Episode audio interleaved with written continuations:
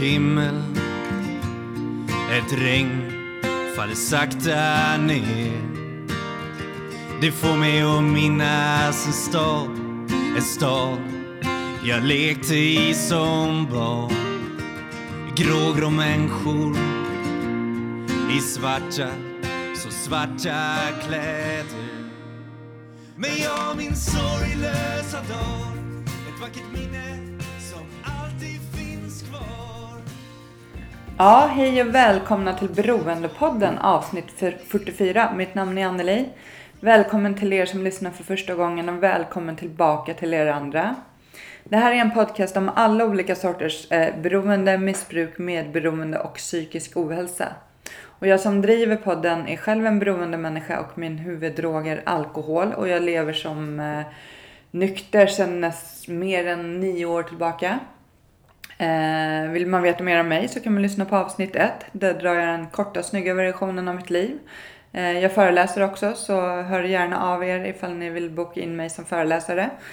Eh, gå in, gärna in på hemsidan eh, beroendepodden.com. Där finns det en flik som heter Hjälp att få. Eh, känner man att man behöver stöd och hjälp så kan man gärna kolla in där så finns det olika länkar till olika ställen man kan vända sig till. Det finns även en flik som heter Stötta podden ifall man eh, tycker att den här podden är viktig och man vill eh, fortsätta se till så att den finns kvar så går man gärna in och stöttar podden genom att läsa hur man gör där. Vill man komma i kontakt med mig så finns ju mejladressen på hemsidan. Eh, tack för alla jättefina mejl jag får. Eh, verkligen, det betyder jättemycket. Och har jag inte svarat på något mejl så skicka igen, då kan det ha kommit bort på vägen. Eh, jag är jätteglad för alla som sprider podden vidare på Instagram och Facebook och sociala medier. Det betyder jättemycket att fler människor har möjlighet att hitta till podden. Eh, podden finns ju även på Instagram och eh, Facebook så följ mig gärna där också. Eh, ibland kommer det upp information och så eh, kring saker som rör podden där som inte kommer upp på hemsidan. Ehm, ja, men annars så tänker jag att det är dags att släppa in dagens gäst.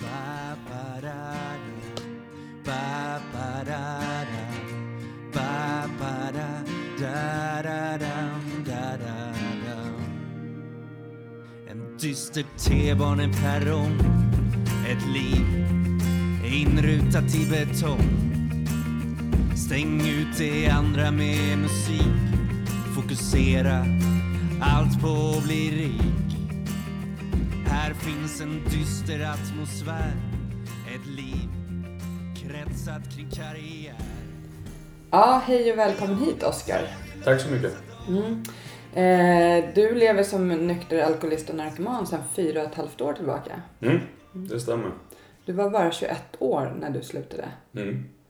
Så det, det tycker jag är otroligt intressant och du kommer få berätta hur du kom till den insikten som 21-åring att eh, du har den här sjukdomen. Eh, för det är inte alla som kommer dit och kanske inte så många i just den åldern framförallt. Så idag är du 26. Mm, Mm. det stämmer. Härligt. Men eh, ja, du får börja berätta lite om vart är du ifrån? Mm. Eh, jag, är ju, jag är ju född då och uppvuxen här i Stockholm, i Vasastan. Och eh, ja, väldigt eh, normal eh, uppväxt på de flesta sätt skulle man väl kunna säga. Eh, en, eh, ja, nej men liksom alltid haft mat på bordet, eh, vuxit upp med min farsa. Jag kommer berätta lite, för det är väl en grej som inte är så normal då kanske med min uppväxt. Men vuxit upp med min farsa och eh, mormor och farmor och farfar så där fanns i närheten också. Så att, eh, men det som var då, när jag var åtta månader gammal så eh, så hittade min pappa min mamma död på golvet hemma i lägenheten från en dag till en annan.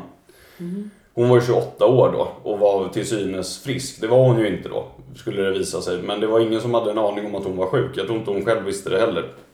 Eh, hon hade fått en cancersjukdom i alla fall som är väldigt svår att upptäcka och den hade satt sig eh, runt hjärtat. Så att det som hade hänt var basically att tumören hade vuxit då så att den liksom, ja, satte sig i vägen för eh, blod till, ja, hur det nu funkade. Jag är ingen läkare så, men så hon, eh, hon dog liksom i sömnen.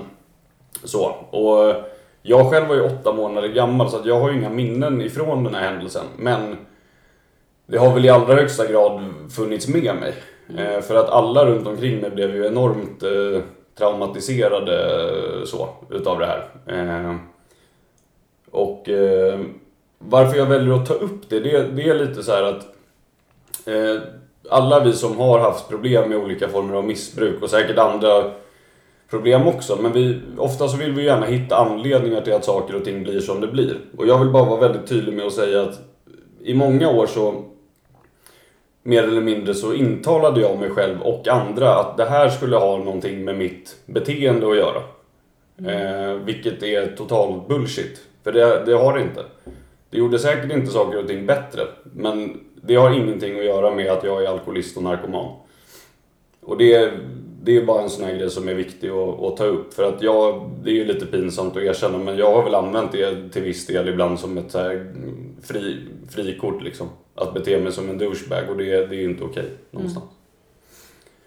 Men som sagt, nej, men jag, jag har ju vuxit upp eh, eh i Vasastan då med min eh, far. Och eh, höll på väldigt mycket i tidig ålder med, började hålla på med idrott, eh, aldrig haft problem och alltså, haft kompisar i skolan och sådär. Inget speciellt så. Men som så många andra nog kan känna igen sig i så har jag alltid grubblat något fruktansvärt mycket. Och jag har alltid känt mig lite speciell, eller vad man ska säga.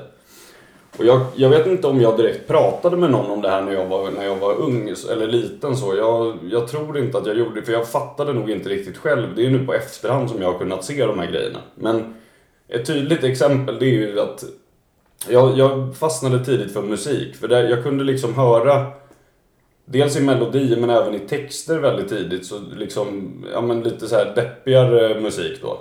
Eh, kunde jag känna igen mig och ett, ett exempel är väl att jag jag kommer ihåg jag satt och kollade på ZTV så spelade de eh, 99 var det här, jag var åtta år då. Eh, spelade de eh, när Kent hade släppt den här Hagnesta Hill-plattan. Den sprang jag och köpte på Åhléns, åtta år gammal. Och det, för alla som har hört, lyssnat på den så vet de ju att det inte är den mest upplyftande platta kanske. Så, så att jag, hade, jag grubblade mycket. Och kände väl nog något form av tomrum då. så som, eh, som jag idag ser också som en del av, av min problematik då kring, kring alkohol och, och droger och sådär. Mm. Så. Mm.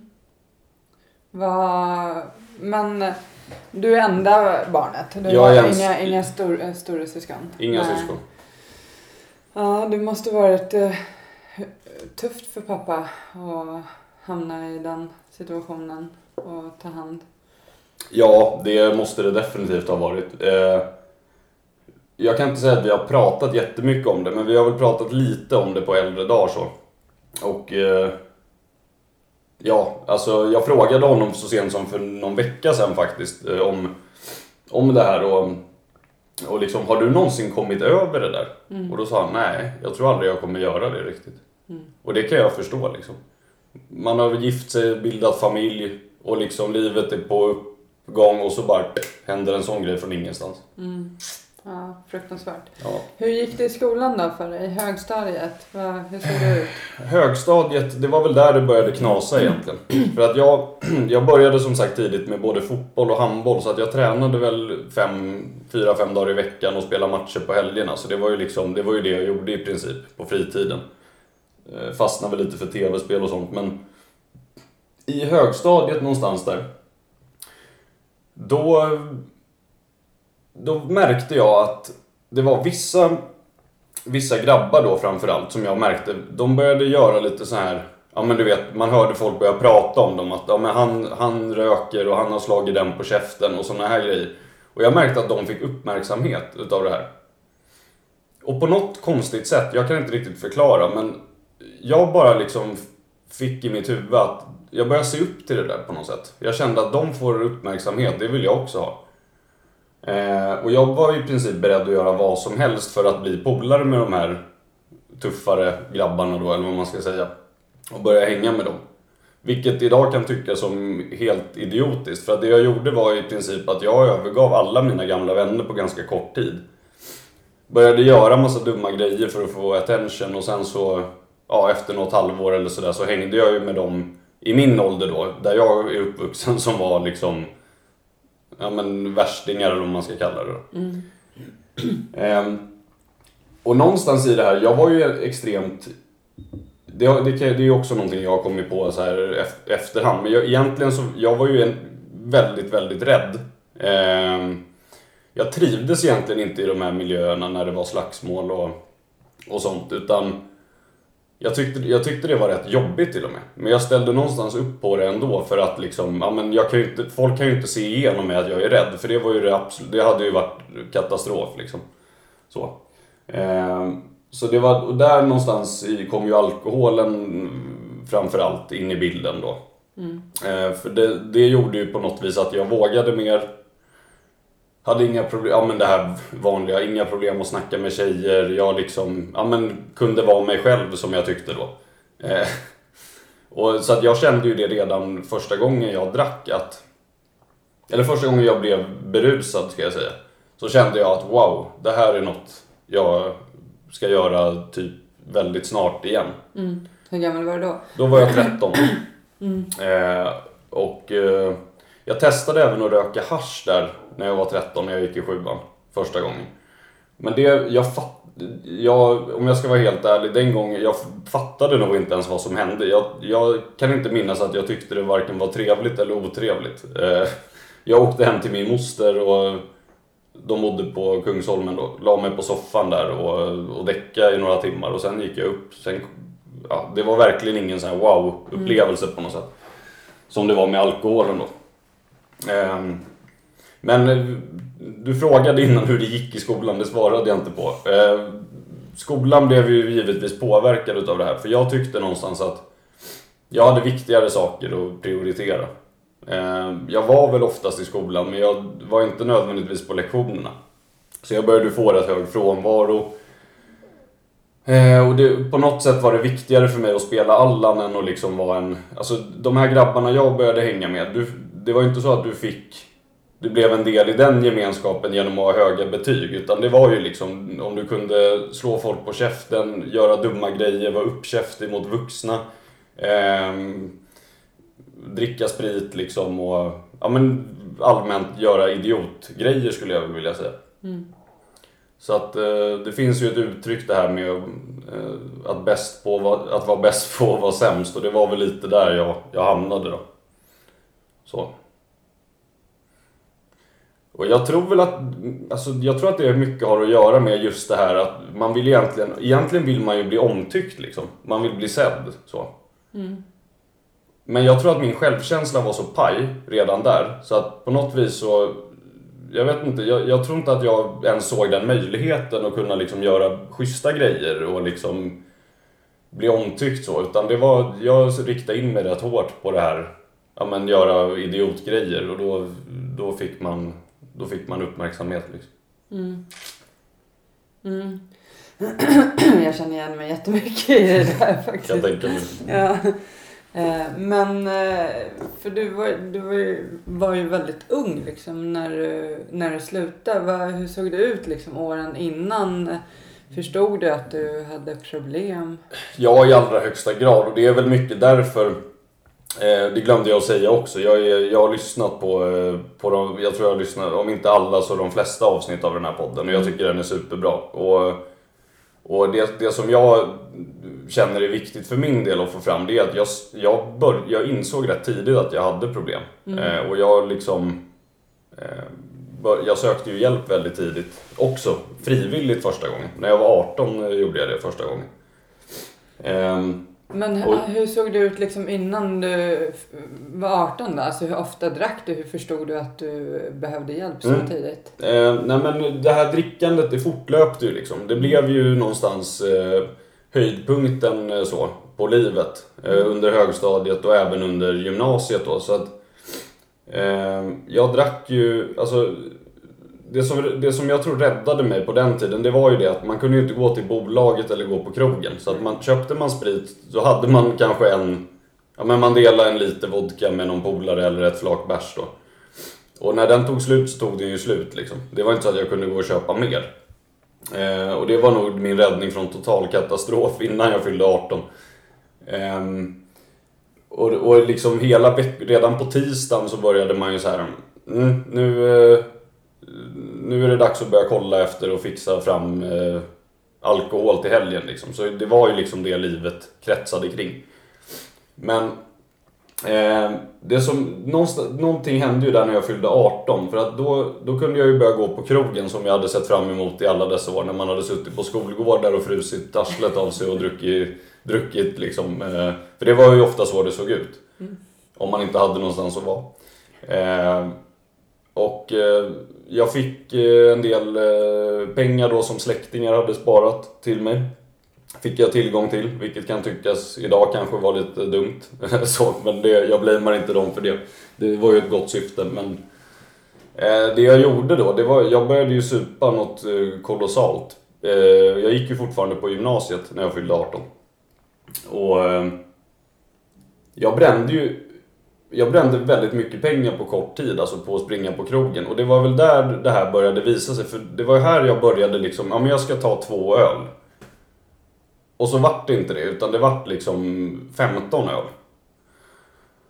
Och eh, min farsa jobbade ju liksom, jag bodde hemma hos honom. Och jag vet, han sa ju till mig att fan nu får det vara, alltså det har ju varit mycket resor så, det har ju varit jättemycket strul hemma eh, de här åren också kan jag väl bara nämna. Det, socialen blev ju inkopplad redan när jag var 13 där och ja, mycket, mycket sånt spring och bekymmer sådär liksom. Eh, och jag tycker väl ändå att jag stilade till mig något på gymnasiet faktiskt. Det var mindre utav det här ut och slå folk på käften och mer kanske festande då. Eh, så. Men eh, det var en morgon jag hade varit ute, en onsdag tror jag. Och eh, då hade jag sagt att jag skulle komma hem tidigt, men det gjorde jag inte. Utan det blev en sån här brakfylla och eh, jag minns inte ens hur jag kom hem. Jag vet, jag vet bara att jag minns hur jag vaknade på soffan på morgonen och jag känner att jag är helt dyngsur och det är liksom en stor pöl på golvet. Jag tänker, vad fan är det här? Så står min farsa och kollar på mig och, och gråter. Och jag tänker, vad fan, vad, vad, är, vad är det frågan om? Jag är ju fortfarande snurrig i huvudet. Jag är ju fortfarande packad när jag vaknar. Och jag frågar honom, vad fan, vad är det här liksom? Har du hällt eh, vatten på mig eller? Och han bara skakar på huvudet och liksom ser helt uppgiven ut och går. Då har jag ju givetvis pissat ner mig i sömnen. Jag ligger ju på soffan med kläderna på. Jag ska vara i skolan egentligen då. Mm. Och där någonstans kände jag, för när jag, sen somnade jag om i det här. Jag tänkte inte ens mer. Jag somnade om, vaknade några timmar senare och tänkte... Och där någonstans eh, upplevde jag första gången att fan det här går inte längre. Jag måste göra något åt det här liksom.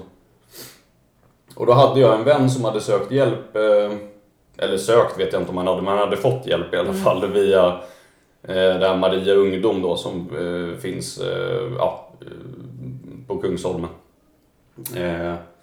Och jag visste att han hade lyckats hålla sig nykter i, i tre månader och det hade väl, ja men det verkade ju liksom ha funkat. Det var ju tre månader, jag tror inte ens jag hade en vit månad från att jag fyllde 14 till 18. Mm. Inte en enda gång.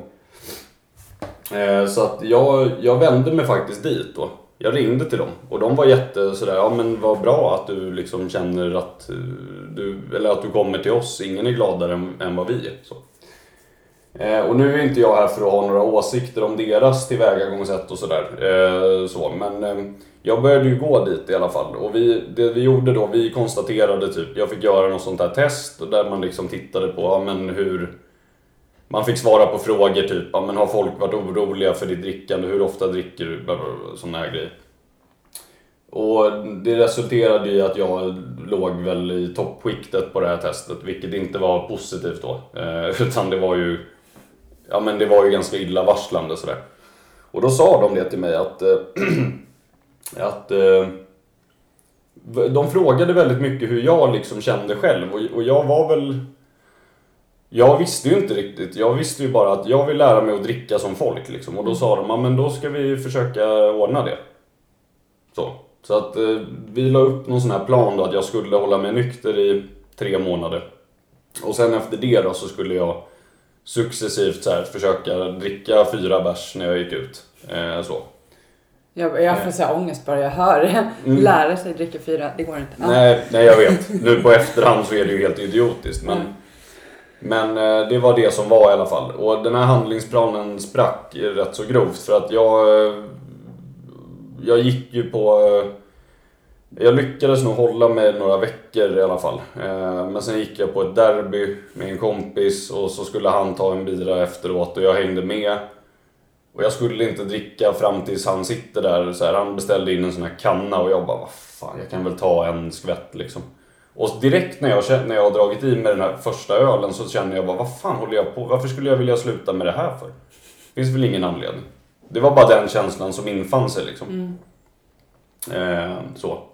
Sen så gick jag och ljög resten av tiden eh, där. Och eh, ja, så de, det var ju fri, på frivillig basis jag var där så de avskrev väl det.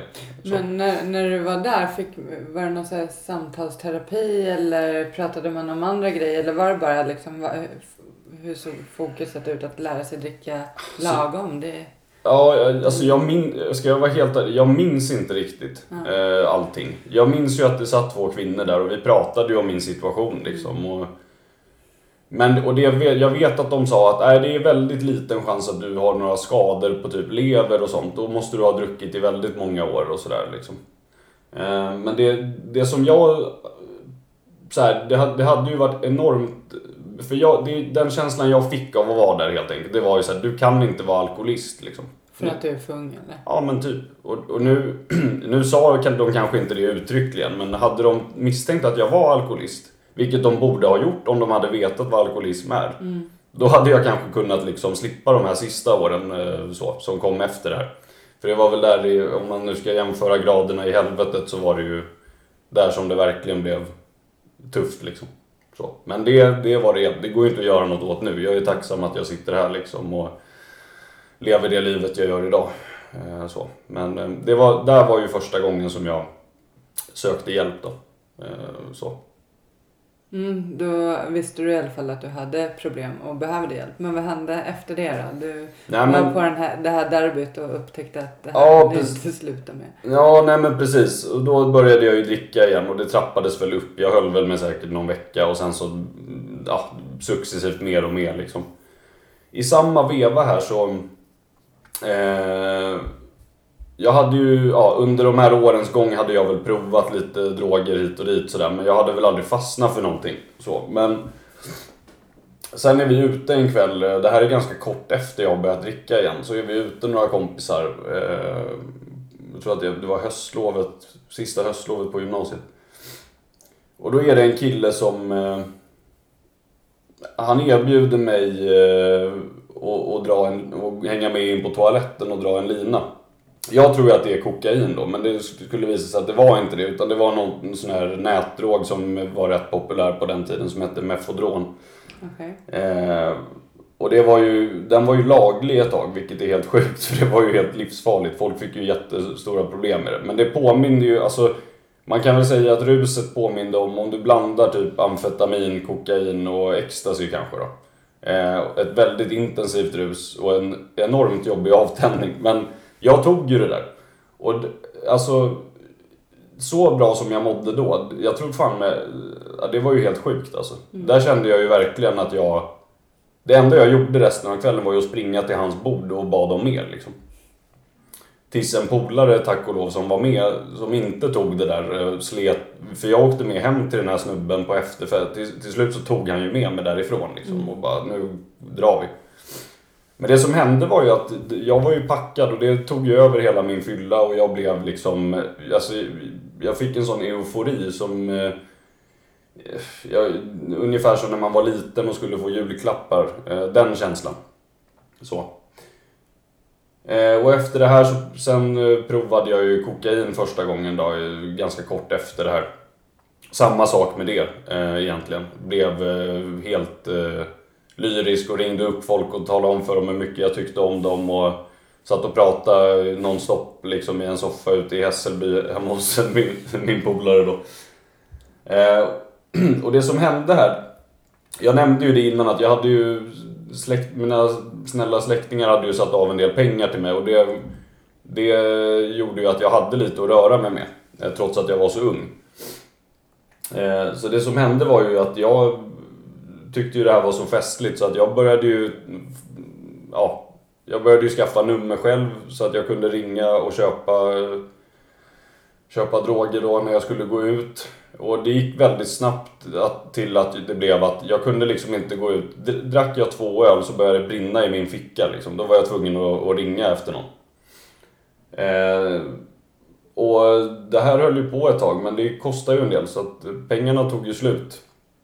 Och eh, jag hade ju fortfarande mitt beroende eh, och, och ta hand om så att säga. Så att, eh, för att det är ju det. Det här med att liksom skruva på korken och låta bli grejerna. Det är ju det är ju liksom eh, rena tortyren. När man väl är, när man har, om, man har, om man är alkoholist eller narkoman. Det är ju liksom, det är som att gå runt i ett stort tomrum av ingenting i princip. Så var det för mig i alla fall. Så även om jag fattade många gånger, alltså varenda, varenda gång man låg där med ångest på söndagen så var det ju typ, jag borde förändra någonting liksom. Men sen gick det tre dagar och så var man där igen. Eh, så att på väldigt kort tid så började jag ju, ja, jag började få började få rätt stora problem med det här och det liksom toleransnivån ökade så det gick ju mer och mer och det var ju praktiskt taget omöjligt att sluta när jag väl började. Och trots att pengarna tog slut så, så, var jag ju ändå, så fortsatte jag ju ändå. Vilket ledde till att jag började göra sådana här saker som man aldrig någonsin skulle göra. Typ krita droger av mina langare och sånt. Men det började jag göra. Eh, och eh, det, det skapade ju... Ja, jag fick ju ekonomiska problem. Liksom. Jag lånade pengar av alla kompisar och... Vad kostar det att hålla på med... Vad kostar det liksom? Ett missbruk, ditt missbruk? Eh, alltså det beror nog på när vi pratar om men, men på den här tiden kanske jag var ute tre dagar i veckan och säger att jag brände ja, Säg att jag tog köpte kanske 2-3 gram åt gången då. Eh, Det kostar ju, I Stockholm kostar det ju 800 per gram. Eh, Så att eh, kort räknat, det blir ju några tusen i veckan liksom. Mm. Eh, Det är mycket pengar. Ja, speciellt när man är 18-19 år Ja. eh, är det mycket pengar. Ja. Jag kommer ihåg det också för jag, det var någon gång när jag kände typ att nu jävlar knyter jag näven i fickan, nu ska jag börja träna och nu ska det ändras på saker. Då berättade jag för min farsa för att han hade ju fattat att något var konstigt liksom. Jag bodde fortfarande hemma, betalade ingen hyra men jag fick gå och låna pengar av honom stup i kvarten. Och då till slut så, så tänkte jag att nu, nu, kan jag, nu berättar jag för honom vad det är jag håller på med. Tyckte jag var en bra idé. Så jag sa det att jag håller på med kokain liksom, och jag, jag ska sluta med det nu. Eh, typ. Eller jag har slutat med det nu, eller vad, vad det nu var jag sa. Och jag kommer bara ihåg att han tittade på mig så här, ja, det är ju billigt och bra. Sen pratade vi inte mer om det liksom. Nej. Jag vet inte, troligtvis var det så jobbigt för honom att hantera så att det var väl därför han inte ville snacka om det. Men... Eh, eh, ja, det, där blev jag ju varse att jag, det inte räckte med att börja skaffa gymkort och, och så. Utan det...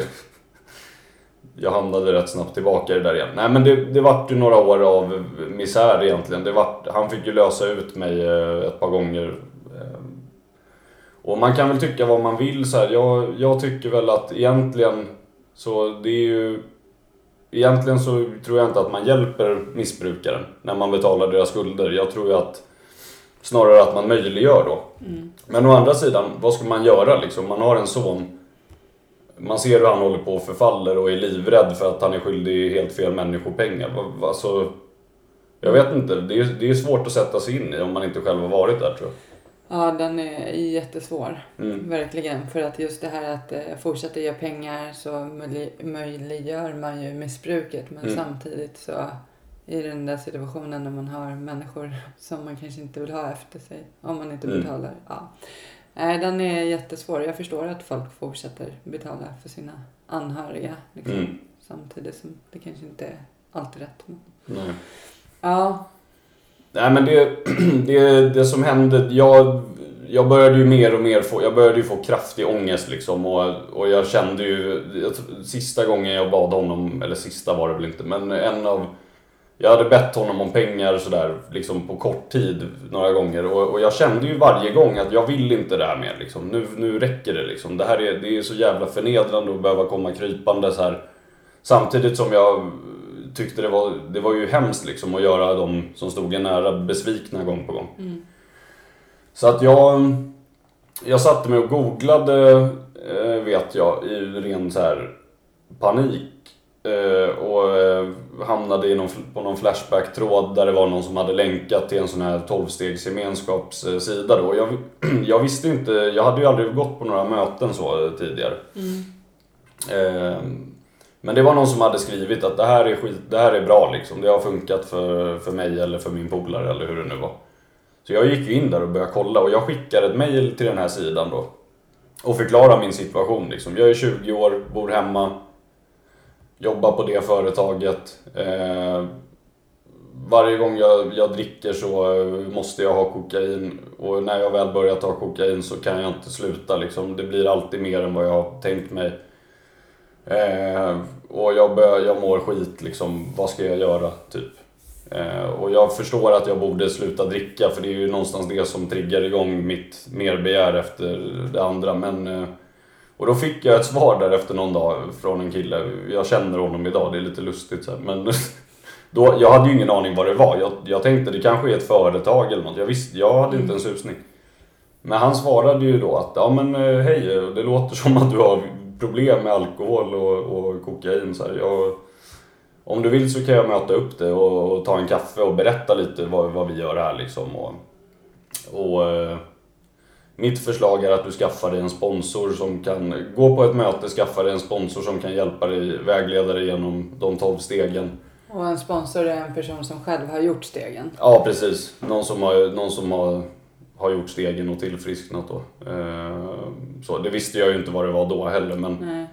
Men jag minns att när jag fick det svaret, då hade det väl gått någon dag. Och vi vet ju alla hur det är med det här, det här fönstret, window of opportunity som de säger på engelska. Eh, det är ju öppet en viss tid, sen stänger det igen. Och det vill till liksom att man gör någonting när fönstret är öppet. För när det har stängt igen, då har ju ens, ens ego, eh, som har fått sig en törn, börjat återuppbygga sig själv. Och då kanske man inte är lika benägen om att ta hjälp längre. Mm. Eh, jag skulle vilja kalla det för sin sinnessjukdom. Men eh, ja, det är en annan femma. Men eh, jag fick ett svar där, men sen svarade jag aldrig på det, vet jag. Däremot så gick jag på mitt första möte ganska kort därefter. Och eh, jag hade väl jättemycket idéer om vad det skulle kunna vara. Men jag, jag minns att jag kommer ner i en källare och det sitter människor där som eh, ja, men de, de pratar till mig liksom. Och alla verkar ha levt i det som jag levde i. Och de verkade dessutom må bra, de flesta utav dem. Det var inte riktigt det jag hade väntat mig. Men det vart väl ganska överväldigande så eh, när jag gick dit och jag var väl...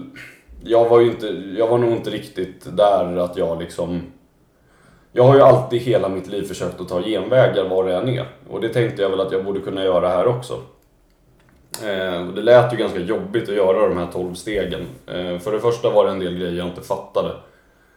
Tyckte det lät ganska flummigt och sen var det väl vissa grejer. Jag förstod ju att jag skulle behöva gå och göra rätt för mig och det, det satt ju rätt långt inne för jag hade ju hunnit vara, bete mig som ett svin mot rätt många under de här åren. Eh, och så. Men jag, jag fortsatte ändå gå på de här mötena. Jag gick dit, tog en eh, sån här bricka och började om och så gick jag ut igen så jag samlade ju på såna här brickor till en början. Eh, det är ju sådana man får då kan jag, till er som inte vet, eh, när man, eh, ja, när man har varit ute och slirat och kommer tillbaka. Så, men de, de fortsatte ändå liksom att uppmuntra mig och det var alltid, de, jag tyckte de var jävligt jobbiga men de, liksom, de sa ändå det här, ja men Oskar, skaffa dig en sponsor nu och, och det kanske är läge nu liksom och börja, och börja ta tag i det här. Möten är bra, men det är inte det som kommer lösa ditt problem liksom. Och det hade de ju så rätt i.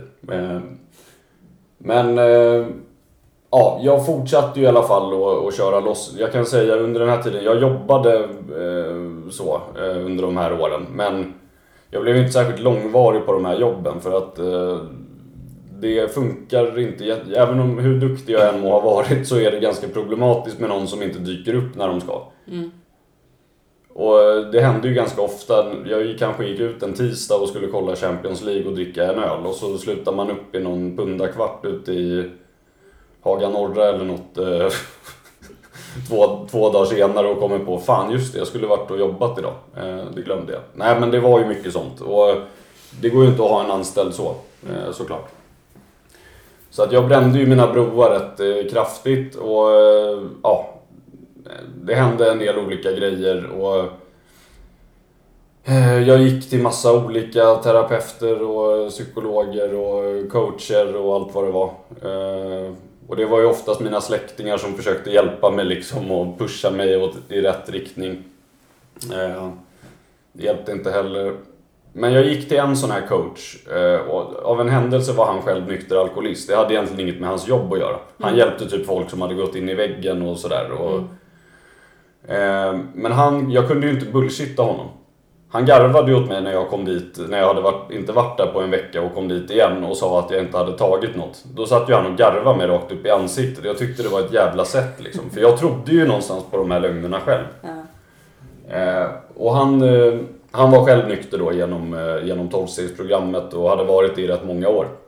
Han tog med mig på ett möte vid något tillfälle och jag gick till honom till slut så sa han till mig, han bara, jag tycker, jag, jag, hade jag varit du, då hade jag åkt iväg till ett behandlingshem. För du, någonstans behöver, du behöver bryta den här liksom, det här som du håller på med. Du behöver få distans liksom. Mm. Jag hade ju varit inne på psyket och sprungit någon gång. Eh, jag mådde skit liksom. Jag, jag visste inte vad jag skulle ta mig till men jag kunde inte låta bli liksom. Och, och börja igen. Eh, och det var fruktansvärt eh, frustrerande. Jag umgicks ju fortfarande med vänner som som festade i princip lika hårt som jag. Men, men de fattade någonstans att det kan ju vara bra att skruva ner tempot sådär söndag morgon om man ska jobba på måndag. Mm. Medan jag bara fortsatte och fortsatte liksom. Tills mitt begär sa att nu är det nog för den här gången. Eh, men, men så att det som hände var att jag åkte, på ett behand jag åkte till ett behandlingshem nere i Skåne. Då hade jag, det här sista jobbet jag hade i Stockholm då, det var ju jag fick inte ens sparken därifrån utan jag hade en annan taktik den gången. Jag bestämde mig för att inte dyka upp en dag. Och eh, min arbetsgivare ringde mig eh, varje dag. Men jag duckade ju hans samtal och... Eh, eh, ja, jag fick hem ett brev till slut, så här, delgivning om att jag var uppsagd därifrån. Ehm, och i den här vevan har jag också börjat umgås rätt mycket med en kille som säljer droger. Och jag skulle väl själv hjälpa honom lite med det var väl tanken men eh, det gick inte så bra. Jag var ingen bra affärskumpan eftersom det mesta åkte upp i min egen näsa så att jag fick ju betala för det här kalaset själv i princip. Så, det var väldigt knasigt. Jag hade även börjat käka mycket bensodiazepiner för det märkte jag ju funkade mot ångesten ett mm. tag. Och när man, du vet, när man skulle gå och lägga sig och grejerna var slut och man låg där med hjärtklappning och dödsångest så hjälpte ju det liksom att somna. Eh, men det blev ju också ett beroende sen. Eh, men eh, i alla fall, jag åkte ner till det här behandlingshemmet. Och ja, jag, det var hur skönt som helst att komma dit. Jag kände bara, jag släppte allt, lämnade in telefonen, de muddrade min väska tog några dagar innan jag liksom vande mig vid det här och gå och känna mig på fickan efter telefonen. Eh, tyvärr så kan jag inte säga att eh, det, det, det är väl vissa problem med det idag. så, men eh, sen så liksom, ja men, ja, sen släppte ju det och eh, ja, det var en otroligt givande, jag var där i 29 dagar då. Otroligt givande, supertrevliga människor, man blev tight med vissa. Träffade en kille där som var i min ålder då, som bodde nere i Göteborg. Och jag, eh, vi snackade en hel del och han hade väl rätt, eh, han hade ju sina planer och liksom, ja men vad fasen, ska du inte komma ner och, du kan ju komma ner och bo hos mig ett tag och sen kan du hitta dig något eget liksom. Starta om på ny kula. Mm. Och jag tyckte väl att det lät, till slut så satte sig den där idén och jag kände liksom att ja, men det kanske är rätt grej att göra. testa i alla fall. Jag har ju ändå... Jag, har ju ändå, jag var inte sugen på att åka hem till Stockholm då, om jag ska vara helt ärlig. Så att jag testade ju att åka ner dit och idag kallar jag ju det för geografisk flykt. Eh, för det jag gjorde, jag hade ju fortfarande massa skit i, i, som jag hade ställt till med i Stockholm. Massa skuld. Jag var ju skyldig i princip varenda människa jag kände pengar liksom. Lånat pengar överallt. Och det hade jag ju inte möjlighet att ta tag i då, men... Ja men det, var, det vart en sån här grej liksom att, ja men jag, jag drar dit så börjar de på ny kula. Um, och tanken var väl god, vi skulle gå någon sån här eftervårdsbehandling och de sa åt oss att vi skulle gå på möten. För det var en 12, 12-stegsinriktad eh, behandling då, som vi gick. Skulle ha efterbehandling i 11 månader efteråt. Eh, och det gick att ordna så att jag fick ha den i Göteborg istället och sådär. Så att allting såg väl, såg väl rätt så bra ut. Eh, men det tog väl ungefär två veckor, sen insåg vi att alltså vi, det vi, vi gjorde ju inte det de sa att vi skulle. Vi gick väl på något möte, sen sket vi i det. Liksom. Vi, och så sprang vi ute på krogen istället eh, och drack Red Bull och talade om för alla. Jag gjorde det i alla fall. För folk tänkte, vad fan, dricker du Red Bull? Ja, men du, jag, du vet, så var det jätteviktigt för mig att tala om för alla att jag hade haft problem. Liksom, att det fanns en anledning till att jag inte drack. Eh, men det tog väl två veckor ungefär då, eller något, tills vi eh, kom på att vi har ju aldrig druckit tillsammans. Eh, så vi började... Vi tog ett beslut att vi skulle testa att dricka. Och jag kan väl säga att det gick käpprätt åt helvete direkt. Det enda som räddade mig från att gå på drogerna med en gång, det var att jag inte hade några telefonnummer där till någon. Men det, tog ju, det gick ju ganska snabbt och men jag kände någonstans ändå till en början att det här var, det var ändå hanterbart liksom. Då blev det snarare ett tag att jag drack från morgon till kväll. Och det var ingen som höll koll på mig och gjorde livet surt för mig. För familjen var ju kvar i Stockholm. Mm. Jag lyckades få tag på en lägenhet tack vare att min farsa hjälpte mig igen. och så träffade jag en tjej som jag... Eh, ja men vi fastnade väl för varandra ganska direkt. Så hon tyckte väl att jag var en spännande figur. Liksom. Lite galen så, men eh, jag lyckades väl dölja den här mörka fasaden rätt så bra till en början. Eh, men det blev ju så konstant supande hela den sommaren egentligen. Och eh, sen var det väl egentligen, det så, jag hamnade på någon efterfest där det lades fram grejer och då var jag ju rökt med en gång. Och hon gjorde rätt klart för mig, den här tjejen, att håller du på med droger, då kan du glömma det här liksom. Jag är inte intresserad av att ha en sån, sån kille. Jag lyckades lura henne att, jag, att alkohol var inga problem, det kunde jag dricka så länge jag höll mig undan från drogen. Um, så att jag började ju smygknarka då. Um, så. Och det blev ganska, jag, kommer ihåg, alltså jag, det var ju verk, verkligen så här från morgon till kväll på slutet. Jag, dra, jag kunde liksom gå upp på morgonen jag kunde vakna liksom, inte ha en spänn på fickan. Jag hade massa burkar hemma. Bara, hur löser vi det här då? Nu går vi ner och köper, vi går ner och pantar de här burkarna. Så antingen köper jag två starköl på bolaget eller så köper jag en dosa snus. Eller något att äta och oftast blev det att jag gick och köpte två öl så att jag fick eh, energi nog till att drifta ihop mer pengar liksom. Mm. Eh, så det var typ så det såg ut där ett tag. Eh, men, eh, ja, men en viktig, en, en, ett viktigt vägskäl som jag vill ta upp just med det här, det var att jag jag blev påkommen av henne där under sommaren. Eh, att jag hade, jag hade gjort bort mig kopiöst någon kväll. Och det, hon fick reda på via en annan person att jag hade tagit droger och, och sådär. Och och jag vaknade upp och fick inte tag på någon, inte henne, ingen i hennes familj. Liksom sådär. Och det var ren panik, minns jag. Ehm, och till slut så svarade hon och bara, hon sa ju det, du visste ju. Jag, jag hade ju sagt till dig. Om du gör, tar du någonting så är det finito liksom. Och till slut så gick hon med på att träffa mig och jag åkte hem till henne då och satt liksom och bölade som en stucken gris. Och jag, alltså hade någon tagit en lögndetektor på mig då så hade jag... Jag sa till henne, jag, jag vill inte det här mer nu. Och jag kan inte dricka heller för det är någonstans där, när jag börjar dricka så... Det är där det sätter igång. Jag kan inte ta någonting liksom. Jag, jag måste sluta med allt. Och hon var liksom, hon var helt med på det. Bara, nej men bra, men då, då kör vi på det liksom. Och jag sa att jag, jag ska börja gå på möten och ja. Så jag började gå på, på möten där nere i Göteborg då. Och det, eh, jag gick på möten varje dag. Jobbade på, eh, hade skaffat mig ett jobb på en sån här flyttfirma där 90% av de som jobbade hade antingen hade de problem med alkohol eller droger eller så hade de suttit på kåken. Eh, så.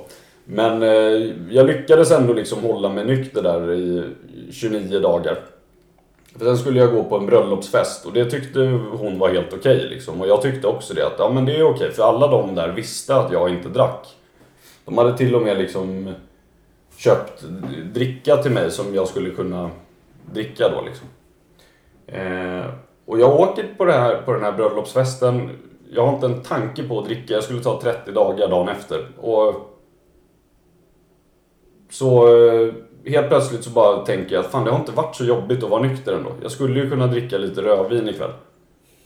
Det här är då augusti 2012. Jag dricker det där glaset rödvin, det blir två, det blir tre, det blir öl. Sen ringer jag upp min langare, åker hem, drar ner persiennerna eh, och körde loss. Och eh, det återfallet slutade i februari 2013.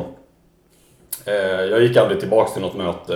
Jag, jag kanske var inne och vände någon gång där under hösten men men februari 2013 då hamnade jag på psyket eh, efter att jag avbrutit ett eh, självmordsförsök. Då hade jag kört den här relationen i botten, eh, inget jobb.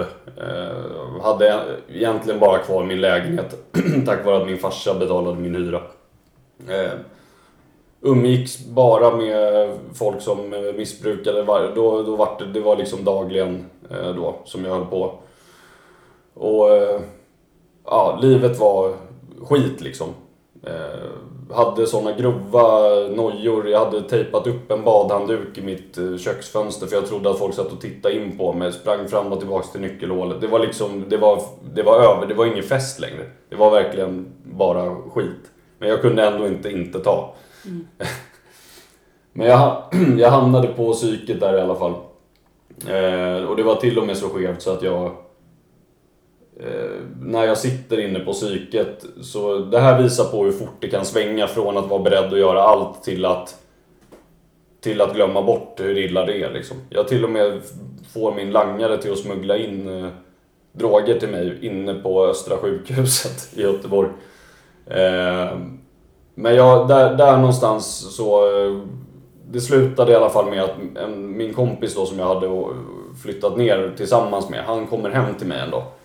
Där. Och då, det var verkligen i rättan tid för att jag hade inte ett öre kvar och jag hade inga droger kvar. Och han bara sa att jag lämnar inte dig nu, du åker med mig liksom. För jag såg ut som ett ras, alltså jag vägde max 60 kilo. Blek, eh, ja, med undernärd, eh, ögonpåsarna var ner hit liksom. Och, så han tog med mig hem så fick jag ligga på hans soffa och tända av från allt då. Och det var väl kanske det värsta jag varit med om. Men och jag rekommenderar inte det till folk så här att åk på riktigt, åk in till en avgiftning om ni har knarkat sådär eller druckit sådär också för att det, det är livsfarligt. Alltså det är ju inte, det är inte bra för kroppen. Mm. Och eh, jag hade lika gärna kunnat hoppa ut från hans balkong. Eh, så. Men det gjorde jag inte i alla fall. Men i den här ångestvevan av, och självömkan och eh, på hans soffa så hör jag av mig till en kille jag hade träffat på mötena i Stockholm. Eh, och han säger att han kan hjälpa mig eh, och han frågar vad min plan är och min plan var väl typ, ja men eh, jag, eh, ja, jag får väl börja gå på möten igen och så måste jag prata med SOS för vid det här laget har mina släktingar fattat att jag går inte längre på den här eftervårdsbehandlingen. De har ringt dit. Mm. Och han, terapeuten där, bröt ju egentligen sin, sin tystnadsplikt men han brydde väl sig mer om att jag skulle överleva än om han gjorde det. Så, vilket jag är tacksam för idag. Så han sa att nej, men han har inte varit här på ett halvår liksom. Eh, så de ringer ju till SOS då och gör en så här orosanmälan så att, i hopp om att de ska tvångsomhänderta mig. Eh, så att jag var ju tvungen liksom att prata med dem. Och då sa han så här att pratar du med SOS och går på mycket möten, det är skitbra. Du, helst eh, ett om dagen om du inte liksom har, har några hinder för det. Men det är ju fortfarande inte det som kommer få dig att sluta knarka. Du behöver göra de här stegen. Och jag hjälper dig gärna med det, men vi sätter igång pronto liksom. Och eh, på den vägen är det, höll jag på att säga. Eh, nej men vi började göra det. Du hade aldrig testat att göra stegen innan? Jo, halvdant en gång. Nej, jag hade inte testat det. Jag satt... Eh, jag, jag var inte med i matchen. Jag satt typ eh, helt väck någon gång. Med, jag tog en sponsor då när jag bodde i Stockholm mest bara för att de skulle sluta tjata på mig. Men jag, jag, jag fattade ingenting. Och jag gjorde, jag gjorde inte det jag skulle liksom. Mm. Men den här gången var jag verkligen villig och hade han sagt åt mig att äta upp min egen eh, strumpa så hade jag gjort det utan att blinka liksom. Jag, jag ville bara att... Jag kommer ihåg att jag frågade honom, hur hanterar man de här sugen? Och då sa han att jag har inte upplevt ett sug på det sättet som du beskriver på väldigt många år liksom. Och det trodde ju inte jag på, om jag ska vara helt ärlig. Men samtidigt hade jag ju inget annat och vad, vad hade jag för val liksom? Jag hade testat att byta stad, jag hade testat behandlingshem, jag hade testat relation. Det funkade inte liksom. Jag förstod att jag, i den här förnedringen och avtändningssvetten på min polares soffa så fattade jag att hur pissigt jag än tycker det här är så kommer jag snart sitta där igen och börja romantisera en, eh, en öl liksom. Eh, igen. Eh, och där någonstans så trillar det här första steget ner, innerst inne på mig då. För intellektuellt sett så hade jag ju inga problem med att se att jag drack för mycket eller knarkade för mycket och att det inte var bra. Men jag fattade ju inte den här biten med fysisk allergi, mental besatthet och, och eh, själslig åkomma som de beskriver i, i den litteraturen som, som vi gick igenom då. Eh, men det gjorde jag verkligen då när vi satte igång och det gick ganska snabbt. Alltså jag, på ett, två veckor tror jag så hade jag nog eh, då var jag nog igång och, och liksom började springa och göra sådana här gottgörelser då. Eh, och det var ju mycket liksom, man fick ringa upp folk och berätta att man var ledsen att man hade blåst dem och liksom, för det var mycket sånt i mitt fall. Eh, och liksom, jag kommer betala så fort jag kan. Eh, och det var jätteskämmigt men samtidigt så rädslan att eh, börja använda igen var ju större liksom. Och jag ville aldrig någonsin i mitt liv dricka eller knarka igen. Och jag, så jag ifrågasatte inte det här utan jag körde på liksom. Och eh, oftast så, så blev det ju helt annorlunda mot vad jag hade tänkt mig. Vissa, det är inte så att jag har blivit bästis med alla de här människorna, verkligen inte. Men de flesta har liksom sagt att stor respekt till dig att du gör det här, jag hoppas allt går bra. Det var en gottgörelse jag hade, jag betalade av en skuld. Dagen efter ringde han upp och frågade, men eh, vill du börja... För just det, jag gick en öppenvårdsbehandling då också på förmiddagarna.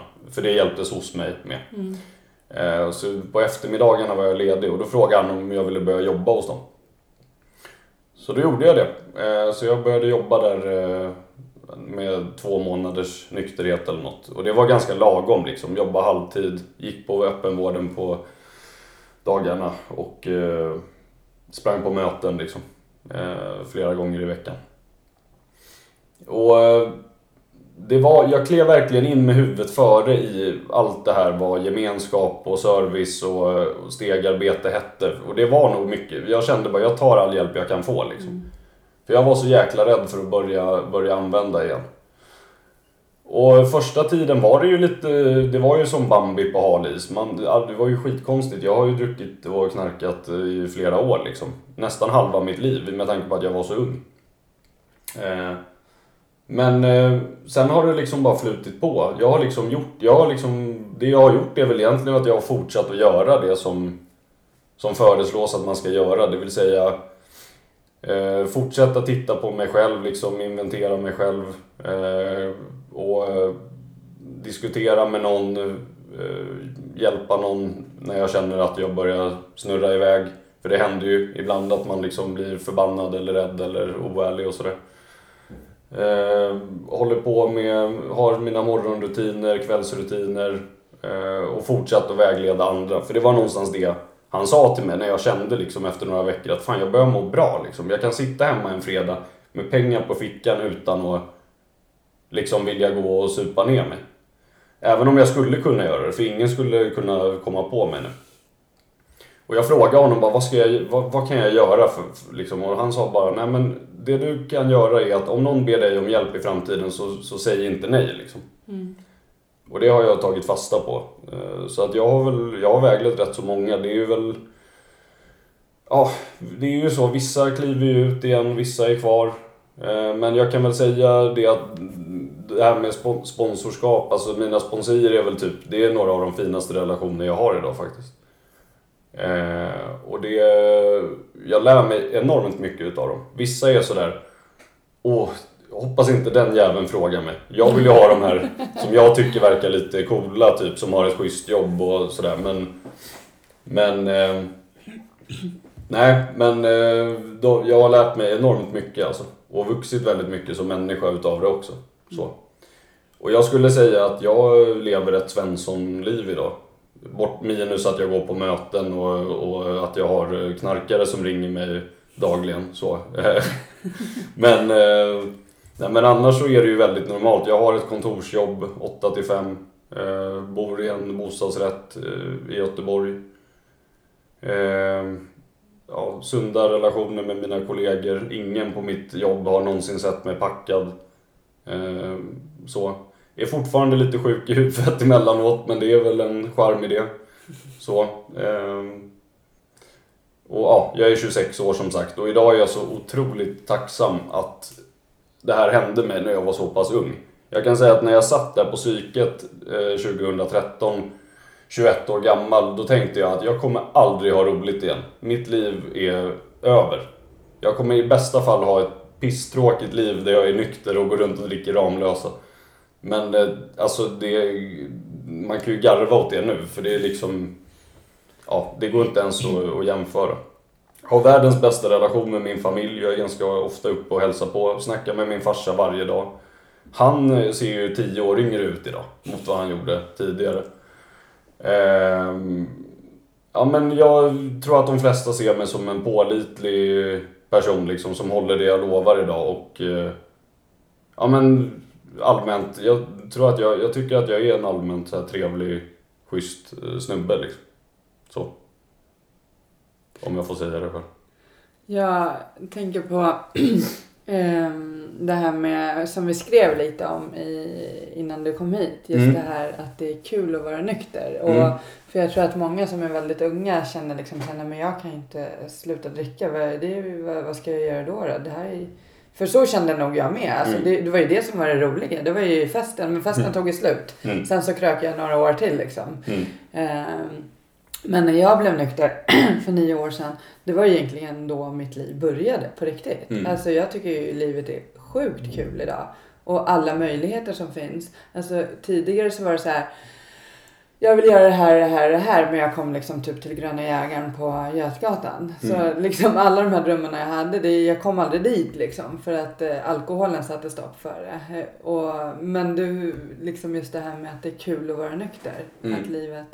Ja, Men herregud, alltså vi, som du säger, vi satt ju där och man skulle resa hit och dit. Men om det är jävla flygbiljett, jag vet inte hur många flygbiljetter jag har dragit upp i näsan istället. Men de, de grejerna blir ju faktiskt av idag liksom. Mm. Och det är ju väldigt unikt det här med de här gemenskaperna. eh, Att man lär ju känna folk precis överallt och människor som är...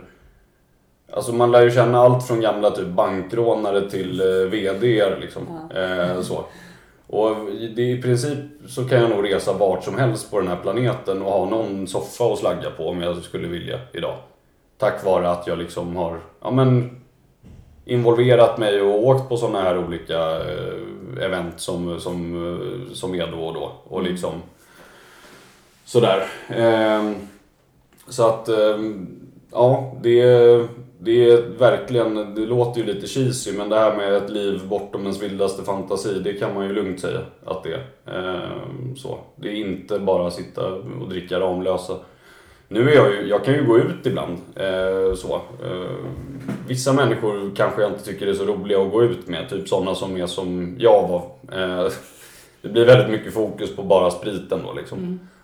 Men eh, jag kan gärna gå ut med folk från jobbet till exempel som inte har den här problematiken. Eh, sen kanske jag inte står på Avenyn klockan fem och dricker Ramlösa varje gång. Men det är liksom, jag, jag kan tycka, det är, det är en helt annan grej. Man får liksom se det för vad det är. Förut gick jag ju ut för att fylla upp ett tomrum och dricka sprit liksom. Nu handlar det ju om att ja men jag vill liksom bidra till en trevlig stämning, typ. Och eh, så förhoppningsvis ha roligt på det också. Och har jag inte det, då går jag hem liksom. Det är inte svårare än så. Eh, men det, det enda är ju liksom att, alltså jag ser det ju precis som en, eh, när folk, vissa frågar mig, är det inte jobbigt när folk dricker? Nej men nej, det är inte det. Jag tror inte att en mötallergiker tycker att det är jobbigt när folk sitter och äter nötter bredvid honom liksom. Jag vet, alltså jag kan se ärligt och det är lite det som är grejen. Jag lever inte i lögn, lögnen längre utan jag kan se ärligt så länge jag liksom fortsätter att bibehålla bibehålla det här liksom sunda förnuftet. Och det gör jag ju genom att fortsätta hjälpa andra, gå på möten och ja, du kan det. Jag Eh, jobbar med sig själv.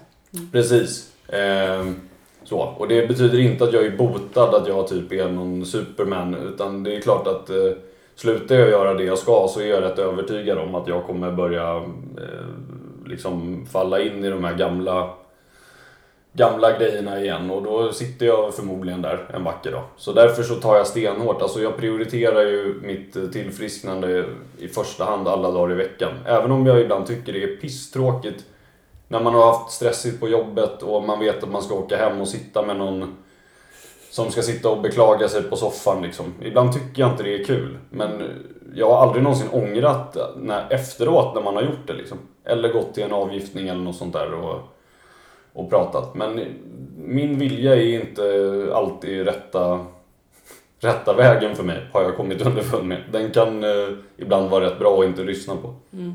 Jag har ju haft med väldigt många människor från eh, olika tolvstegsgemenskaper i podden.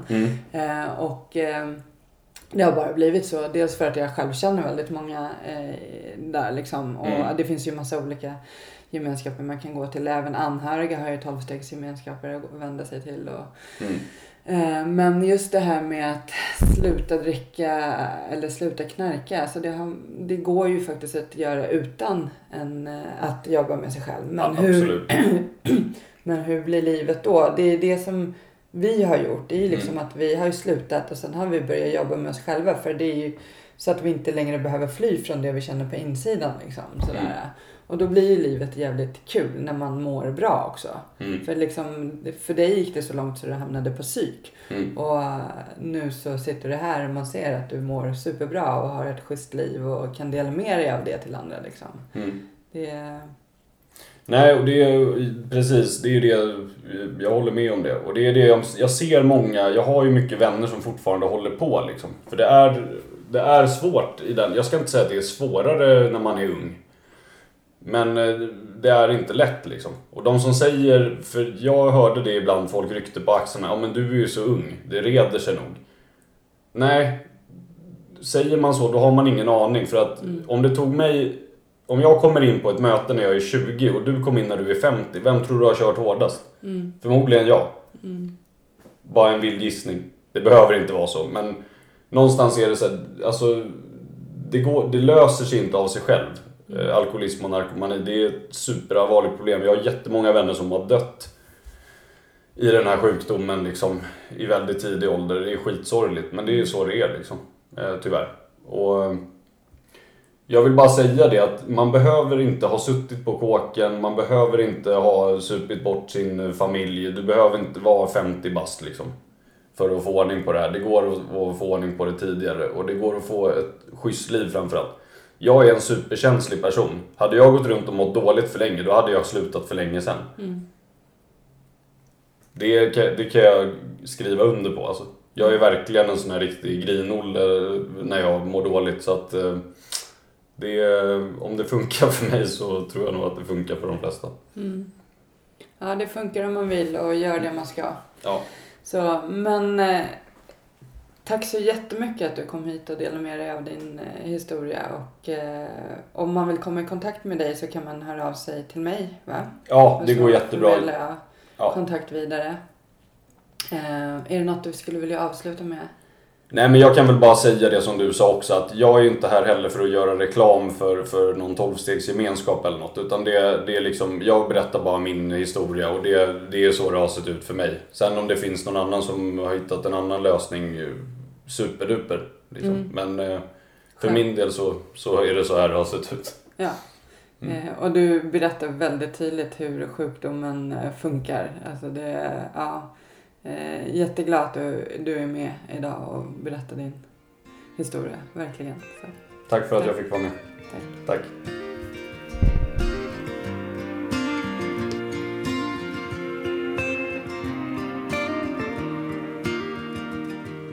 Mörk himmel. Ett regn faller sakta ner. Det får mig att minnas en stad En stad jag lekte i som barn. Grågrå människor i svarta, så svarta kläder. Men jag minns sorglösa dag Ett vackert minne som alltid finns kvar Stockholms gator och torg Ett liv så långt ifrån sorg ba, ba, da, da. Ba, ba, da, da.